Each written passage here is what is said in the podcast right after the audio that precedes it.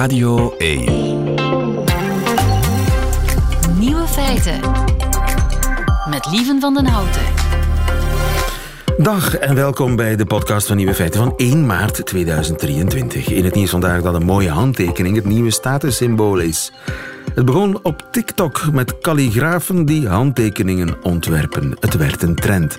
En daardoor stappen meer en meer mensen naar een kalligraaf voor een nieuwe handtekening. Kalligraaf uit Californië bijvoorbeeld, die ontwerpt er 300 per maand. Je kan kiezen uit drie diensten. Ofwel drie nieuwe handtekeningen klaar voor gebruik, ofwel een paar schetsen ter inspiratie voor een nieuwe handtekening, of een nieuwe schrijfwijze voor je initialen. Kost tussen de 10 en de 55 euro. En voor die prijs kunt u kiezen uit verschillende stijlen: elegant, dramatisch, artistiek of onleesbaar.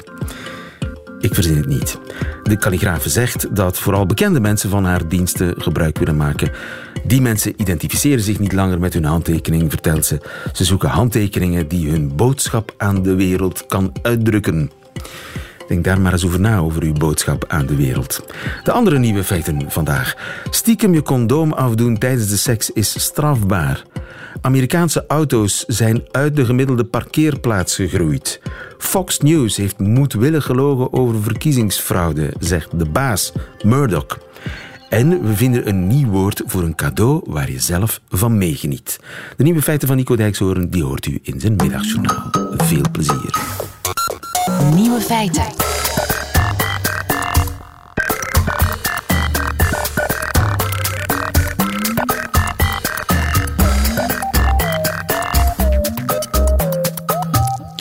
Tijdens de seks stiekem je condoom afdoen. Is dat strafbaar? In Nederland is daar discussie over, maar bij ons is het klontje klaar. Lisbeth Stevens, goedemiddag. Wel, goedemiddag, dat denk ik toch inderdaad. Um... Je bent eh, docent seksueel strafrecht, laat ik dat eerst zeggen, in Leuven. En uh, in Nederland eiste het Openbaar Ministerie gisteren celstraffen tegen twee mannen die stiekem hun condoom hadden afgedaan tijdens de seks. En op televisie vertelde Elisa van der Ven haar verhaal, die tien jaar geleden, zoals toen 19, iets gelijkaardigs heeft meegemaakt. Ik had toen uh, seks met mijn toenmalige bedpartner. En op een gegeven moment uh, weet ik nog dat hij even stopte. En ik weet niet precies wat hij aan het doen was. Um, nou, vervolgens ging hij weer door. Uh, en ik had eigenlijk meteen het gevoel dat er iets niet klopte. Um, ja, en toen kwam ik er dus achteraf achter dat hij het condoom had afgedaan. Ja, Elisa van der Ven in uh, gisteren op de Nederlandse televisie. Achteraf bleek overigens dat ze zwanger was. Na dat geval van stealthing, want zo heet dat eigenlijk. En wat is dat, stealthing? Wel, dat is dus inderdaad uh, stiekem uh, uh, je condoom afdoen hè, en dan eigenlijk niet volgens de afspraken iemand seksueel penetreren zonder condoom. Ja. En dus de hele discussie is inderdaad, kan je dat kwalificeren als een misdrijf? En dat is een discussie die op dit ogenblik wel in meerdere landen woedt. Ze heeft al in Zweden gewoed, nu in Nederland. Bij mijn weten hebben we in België nog nooit zo'n geval voor een, een rechtbank gehad. Maar dus theoretisch is, is er bij ons ook al over gediscussieerd. En waar er vroeger voor de hervorming van het seksueel strafrecht nog, nog ja, wat, wat onduidelijkheid was, hè, omdat er toen gezegd werd, oké, er is sprake van een verkrachting van zodra er geen toestemming is, maar er verder niet gedefinieerd werd wat die toestemming, wat dan eigenlijk de voorwaarden voor die toestemming waren. Um, en dus was er nog wat onduidelijkheid, kon, uh, kon het, uh, uitdoen, het stiekem uitdoen van een condoom, zou dat het misdrijf verkrachting kunnen opleveren?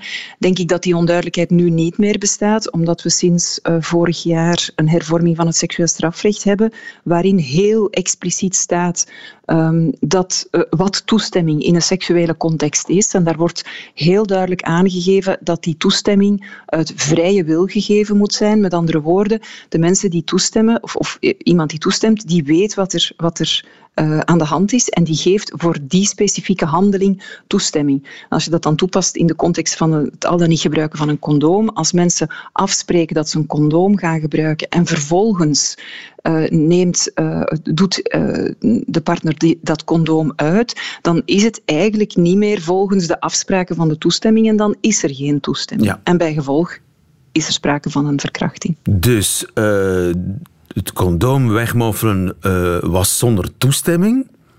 Mhm. En dus vervalt de voorwaarde waarop die toestemming was verleend eigenlijk. Daar komt het op Inderdaad, daar komt het op neer. Ja. En dat staat dus expliciet in de nieuwe wet. om met condoom te vrijen.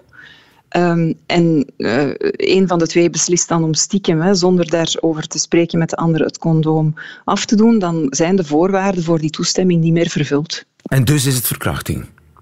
En dus is het verkrachting. En dat staat met zoveel woorden in de nieuwe wet? Wel, er staat heel duidelijk in de nieuwe wet dat toestemming uit vrije wil gegeven moet worden en dat men dat moet bekijken in de omstandigheden van de concrete zaak. Dus als er in een concreet geval door twee mensen afgesproken is om met een condoom te vrijen, um, dan moet je het ook op die manier doen, om het zo te zeggen. En als je dan zonder daar terug over te spreken met je, met je bedpartner het condoom uitdoet, ja, dan beslis jij dat je een andere context creëert waarvoor er geen toestemming is gegeven. Juist. En dan lijkt de seks met toestemming, maar eigenlijk was ze niet met toestemming, want het condoom was er niet. En dat was de voorwaarde waarom die toestemming. Zo zit Inderdaad. dat. Komt dat vaak voor? Hebben we enig idee hoe vaak dat voorkomt dat mannen stiekem hun jasje uitdoen? Tijdens de seks? Nee, daar, althans, uh, daar ben ik niet van op de hoogte dat daar uh, wetenschappelijk onderzoek zou over zijn. Wat we wel, een aantal jaren geleden was het fenomeen stelting. Opeens um, ja, kreeg, het, kreeg het wel wat media-aandacht. En dus toen waren er wel wat getuigenissen, ook in België, van, uh, van vrouwen die dat eigenlijk hadden meegemaakt. En waarbij het, het kan zeer ernstige gevolgen hebben, hè, in termen van, van SOAS, maar ook een, een, een ongewenste zwangerschap. Um, maar ook gewoon ja, het gevoel van dat iemand beslissingen heeft genomen over jouw lichaam zonder jou daarin te kennen. Hè? En dus dat is een, uh, ja, een inbreuk op je seksuele autonomie. En vandaar denk ik dat het zeer correct is dat men dat beschouwt als een, uh, als een inbreuk op de, de integriteit van een persoon. Ik las ergens 10 tot 30 procent van de vrouwen en de mannen die seks hebben met mannen, die zou dat in de loop van zijn leven meemaken. 10 tot 30 procent, dat is wel ja. veel, hè? Dat is veel, hè? ja. ja. Ja, we hebben nog altijd best wel wat uh, te leren op het vlak van seksuele etiketten. En, en echt uh, doordrongen zijn van het idee dat seks iets is dat je uit, uit vrije wil en samen moet doen volgens de afspraken die je daarover maakt. Dus dat het niet aan de ene eh, partner is om te beslissen hoe de andere seks moet beleven. Ja. Nu, uh, als je de redenering doortrekt, uh, dan zou het ook omgekeerd kunnen gelden als de vrouw zegt: Ja, maar ik neem de pil. En achteraf blijkt dat ze die pil niet heeft genomen. Is dat een gelijkaardige schending van de voorwaarden waarop de toestemming voor seks is verleend? Dat is een heel interessante vraag die zich denk ik nog niet heeft gesteld in, uh, in, de, in de rechtspraktijk. Um, maar ook, ook daar zou je van kunnen zeggen dat als dat een essentiële uh, element was van de afspraken over het hebben van seks, dat dat een probleem kan zijn. En dan uh, kan er ook sprake zijn, want we hebben tegenwoordig ook, dus ook uh, mannen die gedwongen worden om een vrouw te penetreren, worden beschouwd als slachtoffers van verkrachting. Dus zou diezelfde redenering ook in dat geval kunnen van toepassing zijn. Ja. Kortom, de voorbije jaren is de definitie van verkrachting gevoelig verbreed. En dat uh, leidt tot uh, discussies in Nederland. Het Openbaar Ministerie eist straffen. Maar bij ons zou die discussie eigenlijk minder groot zijn, want het staat met zoveel woorden in de wet. Lisbeth Stevens, dankjewel. Goedemiddag. Graag gedaan.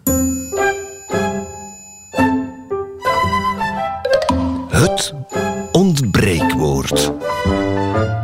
Rick de Leeuw gaat op zoek naar woorden die in onze taal helaas nog niet bestaan woord zoals sneuvelambitie bijvoorbeeld, uitgevonden door uh, Radio 1-luisteraar. Sneuvelambitie is een, uh, een ambitie waarvan je op voorhand weet dat ze niet zal gerealiseerd worden. Zelfdenker. Nog zo'n ontbreekwoord. Iemand die niet gelovig is. Of kapot verbeteren is ook een prachtig woord dat door de luisteraar is geïntroduceerd. Kapot verbeteren. Uh, Ruud Hendricks, ja. goedemiddag. Overigens. Wat betekent kapot verbeteren ook alweer? Wel, met de beste bedoelingen van alles proberen te veranderen en dat het daardoor slechter wordt. Iets willen verbeteren, maar het eigenlijk verslechteren. Ja. Dat was een uh, onbreekwoord een paar uh, maanden geleden. Rick de Leeuw, goedemiddag ook. Goedemiddag. Grote gangmaker van het onbreekwoord. Ruud Hendricks is hoofdredacteur van Vandalen en onze jury, zoals elke week. En zoals elke week zoeken wij ook een woord dat helaas nog niet bestaat. Naar welk woord gaan we vandaag op zoek?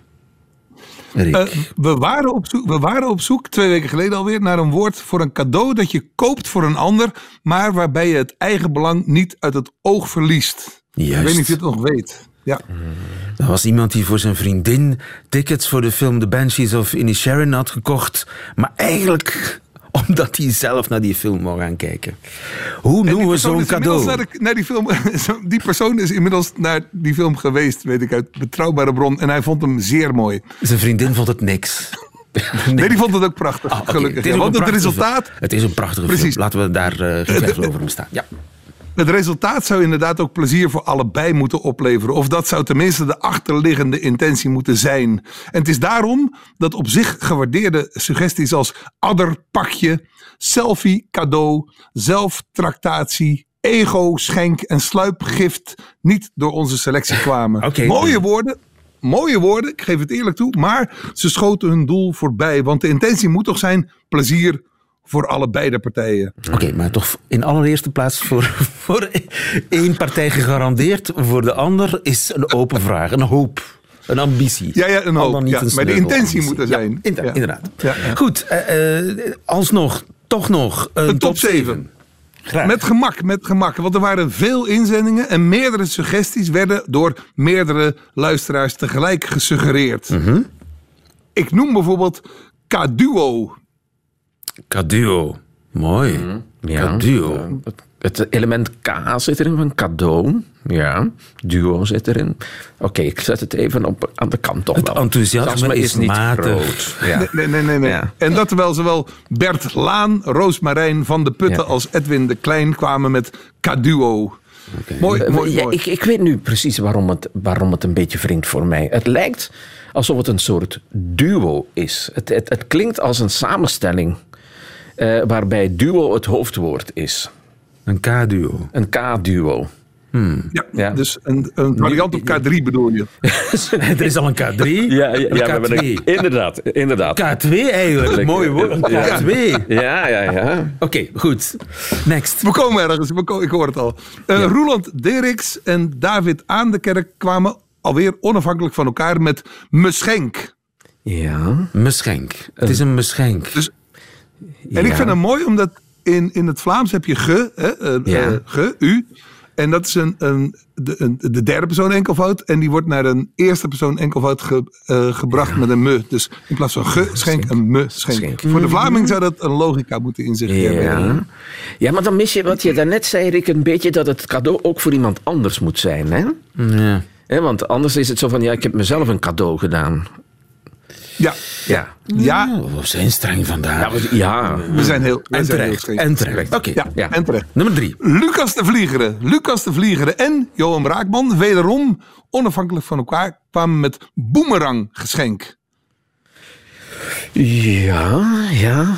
Maar, dat, ja, maar vandaag zit ik in de moed van uh, wat roept het onmiddellijk bij me op? En dan denk ik van dat is een geschenk dat in je eigen gezicht ontploft. Hè? Dus dat het misschien net niet goed is. Hè? Van, dus hè, van, ja, het kwam ja, als een boemerang terug. Dan denk je van ja, dat is iets wat, wat, uh, wat helemaal niet positief is meestal. Ja, Omdat het cadeau Ah, in kwestie dat- absoluut niet wordt gewaardeerd Waardeerd, en, en, de relatie eh Ja. uitgeraakt. Ja, ja. Bijvoorbeeld. Dat is een boemeranggeschenk. Schenk. Ja, kijk, dat hebben we ook alweer dat verzonnen vandaag. Dat is een, een ontbreekwoord dat we niet in gedachten Een hadden. heel maar- fout cadeau dat helemaal fout afloopt. Een dat is een boemeranggeschenk. Oké, dat- maar hij Ja. komt op de lijst. Maar goed, we zochten hem niet, ja, maar we ja, hebben hem wel Als, gevonden. als bijvangst. Ja. Ja, komt op een lijst erbij. Heel mooi, heel mooi. Eh, Willem, Willem eh, Doeven, Ronnie Tietgat en Rudy Helven kwamen met Mikado. Ja. Schitterend? Op zijn, Mikado. op zijn Engels Ja. uitgesproken. Met een Mikado. E. Mikado met, Met een E, ja, ja. Dat was in Mikado. Me, ja, me time. ik vind hem niet slecht. Ik vind hem echt niet slecht. Mikado, het is een Mikado. Ja, maar zit daar ook niet hetzelfde gevoel in als in eh mes- meschenk? Het is eigenlijk de Engelse, Engels-Franse variant van meschenk. Zo van, eh, het is eigenlijk een cadeau Strikt voor genomen heb mij. je gelijk. Ja, het is een Mikado. Ja, strikt genomen. Ja. Strikt genomen heb ik gelijk. hè. Is streng Ja. vandaag. Ja. Goed. Staalhard, staalhard. Ja. We hebben Eh, nog twee kansen. Diana, Nee, Eh, drie. nog drie, hè? Nog Drie. Nog drie. Ja, er zijn drie. Het wordt spannend. die, het zijn van veel mensen ook weer, hè? Jim de Groot en Diana Dolkens komen met cadeau. Kijk, dat vind ik wel leuk. Mooi, hè? Ja. Cadeau. Dat zegt het helemaal. Ja, Oké, dat wordt een grote... Dat ik wordt geef een jou grote een dat, cadeau. ja, dat, dat wordt de nieuwste tongbreker. De chapeau cadeau. All right, Ja, mooi, mooi. cadeau. Ja, Diana ja. en Jim, goed Ja. gevonden. Cadeau. Heel mooi, maar we zijn er nog niet. eh, want Peter van der Heijden en Stefan Tange, alweer onafhankelijk van elkaar, kwamen met koekoekscadeau. Een koekoekscadeau. Ja, Dat is toch Daar, daar prachtig, zit daar, het, het snode, het daar snode zit- zit daarin. hè? ja, dat is zoals een koekoeksjong. Zo. Ja. Ja. Ja, dat, dat zijn eieren legt in, nest- in het nest van een Ja. ander en dat laat uitbroeden. En ja, ja, ik dat vind is, het is goed gevonden als we, als we die nuance erin willen hebben. Hè, van, Ja. Het is eigenlijk onderkruiper, vuile onderkruiper. Hè. Zo, je koopt een cadeau Een voor mij, maar het is eigenlijk voor jezelf. Het is een mooi woord, maar het is niet echt het woord wat we zoeken. Maar het is ook een mooi woord. Ja, ja, ja. Dan nog We één, moeten hè? meerdere categorieën verzinnen voor al die mooie inzendingen. Ja. Ja. En Gerda van den Bossen tenslotte, Gerda van den Bossen tenslotte met een allebei blijtje. Een allebei blijtje. Ja. Dat beantwoordt wel aan de vraag. ja, band was aan de vraag. Ehm, Maar het is Dus natuurlijk het niet is zo beetje- kort en krachtig als nee, het is een beetje... Ja, juist. Het, het, het is een, een wat langer woord en dan vind ik toch... Ja, oké. ik weet Volgens mij hebben we hem. hè. We hebben hem, hè. We hebben hem. Hè? Cadeau. Een cadeau voor zijn tweeën is een cadeau. Wauw, prachtig. Met dank aan eh, Diana Dolkens en Jim de Groot, die onafhankelijk van elkaar allebei met een cadeau kwamen. Rick, we, Het zoeken leven is een- mooi. we hebben een nieuwe opdracht nodig. Ja, ja, en het is misschien een beetje een technisch verhaal, maar het is zeer herkenbaar. Eergisteren overkwam het me weer. Je wil op internet een artikel lezen, maar de desbetreffende website wordt niet onmiddellijk geladen en je klikt precies op het moment dat de layout van de pagina verspringt. Ken je het? Ja, ja. Waardoor, waardoor je dus niet terechtkomt op het artikel dat je lezen wil, maar bij een unieke aanbieding van een malafide reisbureau of een schreeuwige reclame voor de allernieuwste BMW. Je zit er net naast, je bent net te laat of juist te vroeg en je komt ergens waar je absoluut niet terecht wil komen. Dat kan natuurlijk altijd nog ergere pagina's zijn, maar ergerlijk Ja, is het hoe dan ook. Meestal is het reclame, hè. Het, die pagina's worden zo ontworpen dat je eigenlijk zonder het te willen op die, op die reclame drukt, volgens mij. Het verspringt net op het moment dat je klikt. Ja, ja, en daardoor klik je fout. Ja. Moeilijke opdracht alweer. Ja, maar het, het komt veel voor. Dus ik denk dat een boel mensen daar toch door getriggerd kunnen worden. Om eens een mooi Engels, anglicisme te gebruiken. Nieuwe feiten radio1.be kun je mailen of je kunt reageren via de app. Een nieuw woord zoeken we voor deze vorm van fout klikken. Met dank aan eh, Rick de Leeuw. Dank ook aan Ruud Hendricks voor de deskundige jurering. En heren, allebei, tot volgende week. Tot volgende week. Heel graag. Nieuwe feiten. In Amerika zijn de auto's inmiddels zo dik geworden dat ze niet meer in hun parkeerplaats passen. Tony Vrelle, goedemiddag. Goedemiddag. Autojournalist, uitbaters van parkeergarages in Amerika, die moeten meer en meer klanten teleurstellen. Helaas is uw auto te groot. Verbaast u dat? Nee, uh, wij hebben de neiging om altijd grotere auto's te kiezen. En uh, hoe zou ik zeggen, de, de rage van de, de SUV's, of de Sport Utility Vehicles, heeft dat natuurlijk nog uh, verergerd. Ze zijn niet alleen langer, breder, maar nu ook hoger dan vroeger. Dus uh, ze zijn gegroeid in alle richtingen, zal ik ja, maar zeggen. Maar als, je, als je kijkt naar een, een golfje van vroeger, dat is kleiner ja. dan een polo vandaag. Dat is juist, inderdaad. 3,70 meter was dus een uh, bijzonder compact autootje, maar uh, we reden er ook in met vier of vijf. Hè. Ja. Of zelfs nog meer, als ik mijn jonge jaren herinner. Ja. En je hebt zelfs zo'n Fiat 500 4x4 uitvoering. Dat is eigenlijk ja, net zo groot als een Range Rover uit de jaren 70. Ja, inderdaad. Hebben auto's obesitas? Uh, je zou het kunnen zeggen, en er zijn verschillende redenen voor. Veiligheid is er één van. Dus uh, met al die passieve veiligheidsvoorzieningen in de breedte en in de lengte is er wel wat staal bijgekomen. En dan heb je een ander fenomeen, is dat de grotere auto's meer opbrengen. Dus de constructeurs zijn geneigd om grotere auto's aan te raden aan de mensen. Um, omdat ze daar meer op kunnen verdienen per, per auto. Ja, ja. Dus dat, is, dat speelt zeker mee. Ja. En natuurlijk, de mensen zelf willen ook uh, grotere auto's. Hè, want als je bijvoorbeeld een, een golfaanhanger was en je had eerst de kleine, dan kwam de volgende, die was wat groter, daar was, je, daar was je dan tevreden mee en zo werd die altijd maar groter. Juist, ja, want je, je gaat toch geen genoegen nemen met een polo als je altijd een golf had? Ja, en dat is eigenlijk een lepe truc. En natuurlijk, ja, iedereen doet het, dus je moet mee, hè? Want als jij ja. niet dikker wordt, of tenminste je auto, ja, dan, dan ben je een dwerg op de weg. Ja, inderdaad, dat, is ook, dat speelt zeker ook mee. Een, een bijkomend uh, item is dat mensen uh, dikwijls een auto kopen in functie van de drie weken dat ze op vakantie gaan, of de maand. En dat die dus, de auto moet groot, het grootst mogelijk zijn. Ja. En waar, dan rijden ze daar elf maanden alleen in rond, maar voor die ene maand moet die dan zo groot mogelijk zijn. Ja. Men zou er kunnen aan denken om bijvoorbeeld op dat, op dat moment een andere te huren. Bijvoorbeeld. Ja, ja. Maar we doen onszelf toch eigenlijk iets aan hè, door met z'n allen een van die legervoertuigen te willen rondrijden?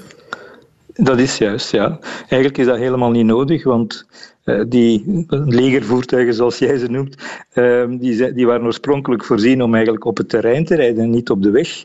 Maar uh, met die SUV's wordt bijna nooit op het terrein gereden, maar altijd op de weg. Dus waarom zouden we ze dan nodig hebben? In die en eigenlijk prettig rijden is het niet, hè? In zo'n Range Rover. Dat is toch eigenlijk te groot als je de heuvels in wil of in de stad. Dat is toch niet handig? Dat is toch niet leuk? Nee, handig is het niet. Uh, maar je ziet het binnenin ook. Hè. Vroeger zaten we knus bij elkaar. En nu heb je daar binnenin zo'n grote, zeer brede middenconsole. die eigenlijk een halve meter plaats inneemt. Waarom? Dat is eigenlijk niet nodig. Weet je nog dat we vroeger aan het stuur schakelden toen? Maar we moeten niet meer schakelen nu, normaal ja. gezien. Want iedereen rijdt bijna automatisch. Dus heb je die heel brede middenconsole eigenlijk niet nodig. Ja. Zou je heel wat plaats mee inwinnen. Dwaas eigenlijk. En daar hebben we nog niet eens gesproken over de fietsers en de voetgangers. Want voor hen is het natuurlijk een ramp, al die tanks. Ja, als de auto's breder worden, eh, dan sta je op een parkeerplaats die te smal wordt. Ja. En als je dan je deur open doet, dan heb je natuurlijk een probleem met passerende fietsers eventueel. Maar goed, het is iets wat we zelf willen, of althans wat lepenverkopers ons hebben wijsgemaakt. Kunnen de auto's nog groeien? Dat, dat, kan zeker. Dus het, het probleem, eh, als je binnen de wettelijke limieten uh, blijft, maar die zijn zeer, zeer breed, zal ik maar zeggen, in, in de letterlijke zin van het woord, er dan is er limieten. geen probleem. Er zijn echt limieten. Er zijn limieten, oh, ja. Ja, ja, er zijn limieten. Maar die zijn nog ja. niet bereikt. Nee, nee, bijvoorbeeld de lengte van, van een, een, personenwagen mag niet langer zijn dan 12 meter. En dat is blijkbaar gemaakt voor. dat is een dat, dat, ja, dat is, dat is, dat is gemaakt bus. voor. Dat is gemaakt voor die grote limousines die wel eens hier over, Juist, over, het, uh, over de pas kwamen vanuit, vanuit Amerika en zo. Dus de, de, de, limieten zijn zo gemaakt dat je er eigenlijk nooit aankomt. Maar ja. zullen ze nog groeien? Gaan we nog dikkere auto's willen? Hangt, hangt van de, de klanten af en natuurlijk van de constructeurs. Maar als je onze, on, ik, ik, hoop van niet, want als je onze parkeerplaatsen ziet, op dit ogenblik rij je een parkeerplaats binnen eh, van, van een groot warenhuis of zo. Of, en dan moet je zien, als je, er, je, je, kan in de parkeerplaats, maar je kan niet meer uit je auto. Dat is ook ja. al een probleem natuurlijk. Ja. Ja. Dus uh, Een beetje kleiner zou beter zijn. Eigenlijk is het Ook, een, ook, ook qua gewicht natuurlijk. uiteraard en milieu enzovoort. Want ja, we hebben, Ja, dan enzovoort, motoren ja. die schoner zijn, maar ja, die moeten dan kolossen voortduwen. Ja. En dat, dan, ja, dan is de winst je, eigenlijk je, sprak van de, je sprak van de afmetingen van een golf, maar de, kleine, de eerste golf woog een, een kleine 800 kilogram en een huidige golf weegt 13, 1400 kilogram. Dus daar zie je het ook. Het ongelooflijke, zou ik zeggen, de ongelooflijke groei van die dingen. Het is absurd, maar het is niet anders. Dankjewel, Tony het. Goedemiddag. Graag gedaan.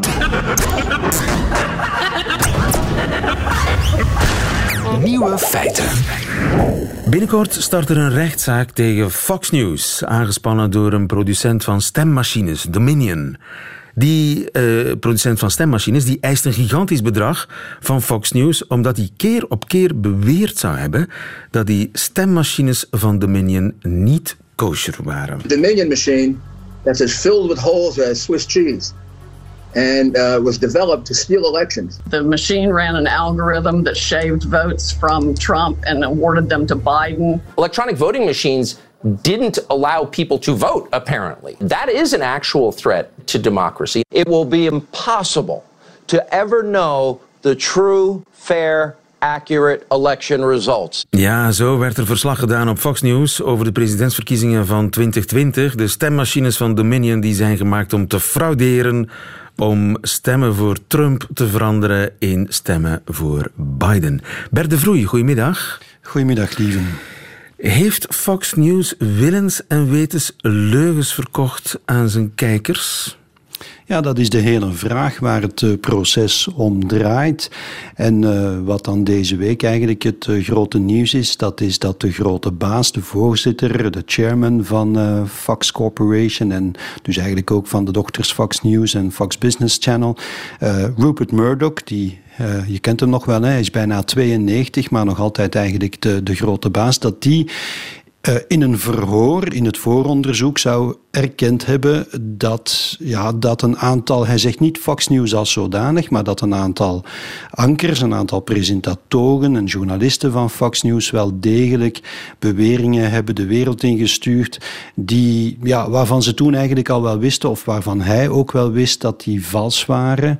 En hij zegt ook, ik had misschien kunnen ingrijpen, maar ik heb dat niet gedaan. Dat zegt Ja. hij als hij eh, in dat verhoor ja, daarop gewezen wordt. Maar dus ook de nieuwsankers van Fox News en medewerkers van Fox News, die wisten eigenlijk dat de specialisten, tussen aanhalingstekens, die zij opvoerden, die beweerden dat Dominion-machines dat die gemaakt waren om te frauderen, dat die, dat die specialisten eigenlijk ja, niet, niet helemaal spoorden. Die wisten Ja, en dus ja, ze wisten dat. En er zijn ook eh, nu eh, in, in het eh, vooronderzoek, en wat daarvan bekend is geraakt, is nu duidelijk dat een aantal van die bekende, Tucker Carlson is misschien bij ons toch ook wel bekend, Laura Ingraham, dat die ook sms'jes uitwisselde waarin ze zich vrolijk maakte over de, ja, de idiotie van die beweringen van Trump. Maar inderdaad, ze lieten mensen als Giuliani, die we net hoorden, of Sidney Powell aan het woord, die we ook net hoorden, geloof ik. Ja. Eh, die lieten ze aan het woord eh, met die beweringen. En dat is natuurlijk nog een verschil. Eh, laat je mensen aan het woord zoals Giuliani, die niet tot jouw eigen nieuwsredactie behoren. En, en, en ja, geef je hen de kans om, om dat te zeggen en te beweren. Moet je daarop ingrijpen? Dat is al één vraag. Maar de vraag waar het vooral om gaat is, hebben ze er zelf aan meegedaan? Hebben ze zelf die twijfels versterkt?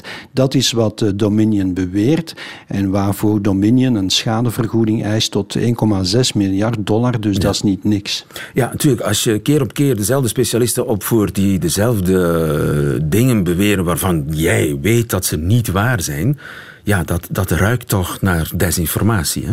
Ja, en uh, de juridische term waar het blijkbaar om gaat is actual malice. Ja, hoe zullen we dat uh, vertalen? Uh, feitelijke kwaadwilligheid. Dus echt kwaadwillig weten van we zijn hier leugens aan het verspreiden of we geven in elk geval mensen die leugens verspreiden een platform. En we weten dat en we doen dat toch. Waarom? Ja, ja. omdat Fox bang was van, ja, om, om kijkers te verliezen. En dat waren dan kijkers uit het kamp aanhangers van Trump. En dat was ook aan het gebeuren. Uh, Fox News heeft heel snel in de verkiezingsnacht bijvoorbeeld de cruciale strijdstaat Battle State Arizona aan Biden toegewezen. En er stak toen een storm van protest op, ook bij kijkers van Fox News, die, uh, die belden en die zegden: Wat doen jullie nu? Hoe durven jullie uh, die staat aan Biden geven? Die is voor Trump, daar is gefraudeerd en zo.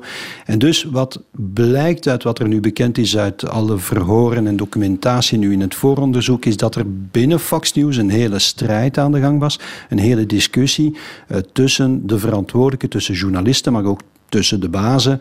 Van moeten we, ja, hoe lang moeten we daarin meegaan? Ook in de bestuursraad bijvoorbeeld. Hoe lang moeten we daarin meegaan om die, ja, die leugens niet te gaan ontkrachten, niet te gaan tegenspreken of zelfs te gaan verder ondersteunen. Ja, dus want het was eigenlijk om de kijkers te plezieren, want zij wilden dat horen. En stel je voor dat Donald Trump zou zeggen, want ja, die fans zijn, die, die kijkers zijn fans van Donald Trump. En als Trump zou zeggen, je moet niet meer naar Fox News kijken. Absoluut. Dan zou dat een, een, uh, ja, een zakelijke ramp zijn geweest voor Fox. Dat is zo, dat is zo. En, en dat was ook min of meer aan het gebeuren. Op dat moment had Newsmax bijvoorbeeld en One American, Net, uh, One American News Network, dat waren nieuwe uh, rechtse zenders, radicaal rechtse zenders op de lijn van Trump. En hij steunde die ook en hij verklaarde daar zijn sympathie voor. En dus je zag dat op dat moment. Op die manier, hij wist ook wel dat die kleinere zenders wellicht nooit Fox zouden bijbenen. Maar hij kon op die manier Fox wel, ja, wel onder druk zetten. Absoluut. Maar dat betekent toch nieuws als waspoeder? U vraagt, wij draaien. Zo is het natuurlijk altijd wel een beetje geweest in de Verenigde Staten. Als je daar op de cable news programs uh, afstemt, dan weet je wat je zal krijgen. Er zijn een aantal klassieke uh, tv-zenders die ook hun eigen nieuwsprogramma's hebben. Hè? De Big Three, NBC, ABC en CBS. Daar krijg je nog ja, min of meer uh, objectief nieuws zoals we dat in Europa gewoon zijn. Maar als je op de cable news uh, networks afstemt, dan weet je eigenlijk, ga ik naar een, een, een, een republikeins gezinde, rechtse, misschien zeer rechtse zender kijken en ook naar hun nieuwsprogramma's, of ga ik naar een linkse zoals okay, MSNBC. Maar er is toch nog een verschil tussen gekleurd, lichtjes gekleurd, en gewoon moedwillig foute informatie geven, omdat de kijker die foute informatie graag hoort absoluut. En, absoluut. En daarom is het ook, uh, je weet inderdaad dat de commentaren, de duiding bij het nieuws links of rechts zullen zijn. Dat weet je in de Verenigde Staten als je afstemt op een zender. Iets anders is inderdaad of, de, of dat eigenlijk ook een vrijgeleide is om, om andere feiten, alternative facts alternative zou facts. kunnen zeggen. Vandaar dat dit eigenlijk een hele belangrijke zaak is. Als, absoluut, als Fox absoluut. hier wordt vrijgesproken, ja, dan is dan dat... staat de deur open natuurlijk de deur voor uh, allerlei absoluut. alternative facts. En, en natuurlijk allemaal in het licht van wat in Amerika natuurlijk heilig is. Hè? De First Amendment, de free speech. Uh, veel meer dan, dan in Europa is het uh, in Amerika is er veel meer toegelaten. En dus ja, is dit inderdaad een soort testcase voor hoe ver dat mag gaan, hoe ver dat mag gaan voor de journalistiek en in het algemeen free speech, het verspreiden van uh, ja, regelrechte leugens, uh, ook over bedrijven of over personen, in dit geval het bedrijf Dominion, wat natuurlijk zijn reputatie in gevaar zag komen. Want ja, als je zegt dat als je nu voor altijd als Dominion geen gelijk krijgt, dan wordt het ook bij de volgende verkiezingen moeilijk natuurlijk voor dat bedrijf om, om, om ja, bij het publiek vertrouwen te krijgen in het feit dat zij misschien opnieuw zullen ingeschakeld worden in een aantal staten voor uh, de kiesverrichtingen. Belangrijke rechtszaak. Bert de Vroei, dankjewel. Goedemiddag. Radio 1. Nieuwe feiten. En dat waren ze meteen, de nieuwe feiten van 1 maart 2023. Alleen nog die van Nico Dijkshoorn, die krijgt u nu in zijn middagjournaal.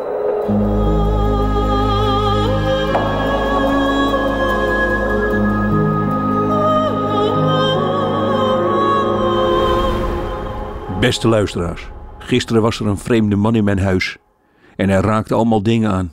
Ik merk dat dit, nu ik het zo zeg, seksueler klinkt dan ik het bedoel. Ik stond netjes op een paar meter afstand van de man en hij had werkkleding aan en hij zat mompelend op zijn knieën naast mijn bank. Hij kwam een nieuw modem en iets met glasvezel installeren. En waar ik al bang voor was, gebeurde. Meneer was een prater. Hij legde mij bij iedere handeling uit wat hij precies deed en ik luisterde. Soms gromde ik heel even om hem te laten merken dat ik luisterde. Ik zei ook heel veel ah, kijk op die manier. Of jeetje, zo heb ik dat nog nooit bekeken. Wat komt er veel kijken bij het verwisselen van een kastje. Het was heel belangrijk dat ik niet overdreef. Want dan zat ik in het slechtste geval anderhalf uur te luisteren naar de geschiedenis van modems verwisselen. En dat zijn vader ook al zo technisch was en dat het een heel leuk beroep was, want je zag steeds weer andere mensen. Toch vond ik deze babbelende man, die nu met zijn halfblote reet langs de leuning van mijn bankstel schuurde, te verkiezen boven de zwijgende monteurs en reparateurs die ik de laatste jaren in mijn huis had gehad. Ik herinnerde mij een enorme man in een tuinbroek, met helemaal niets eronder, die bijna drie uur lang een geluidje uit mijn koelkast probeerde te verwijderen. Ik deed het geluidje na toen hij net binnen was.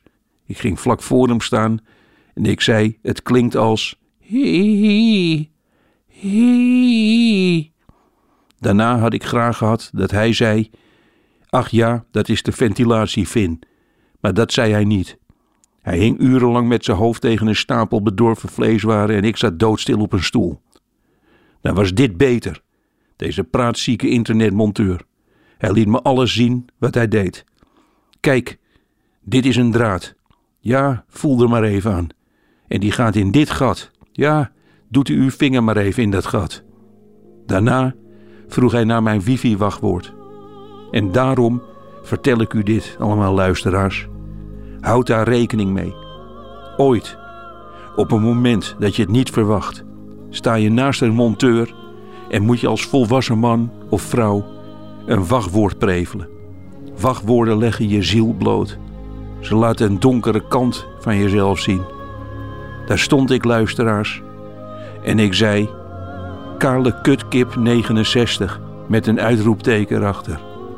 Hij keek me aan en zei: Met een C of een K.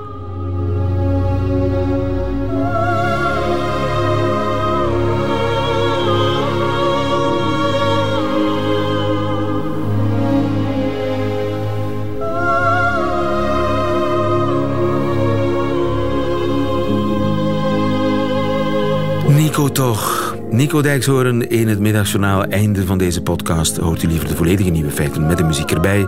Dat kan natuurlijk live elke werkdag tussen 12 en 1 op Radio 1. Of on demand via de Radio 1 website of app. Tot een volgende keer.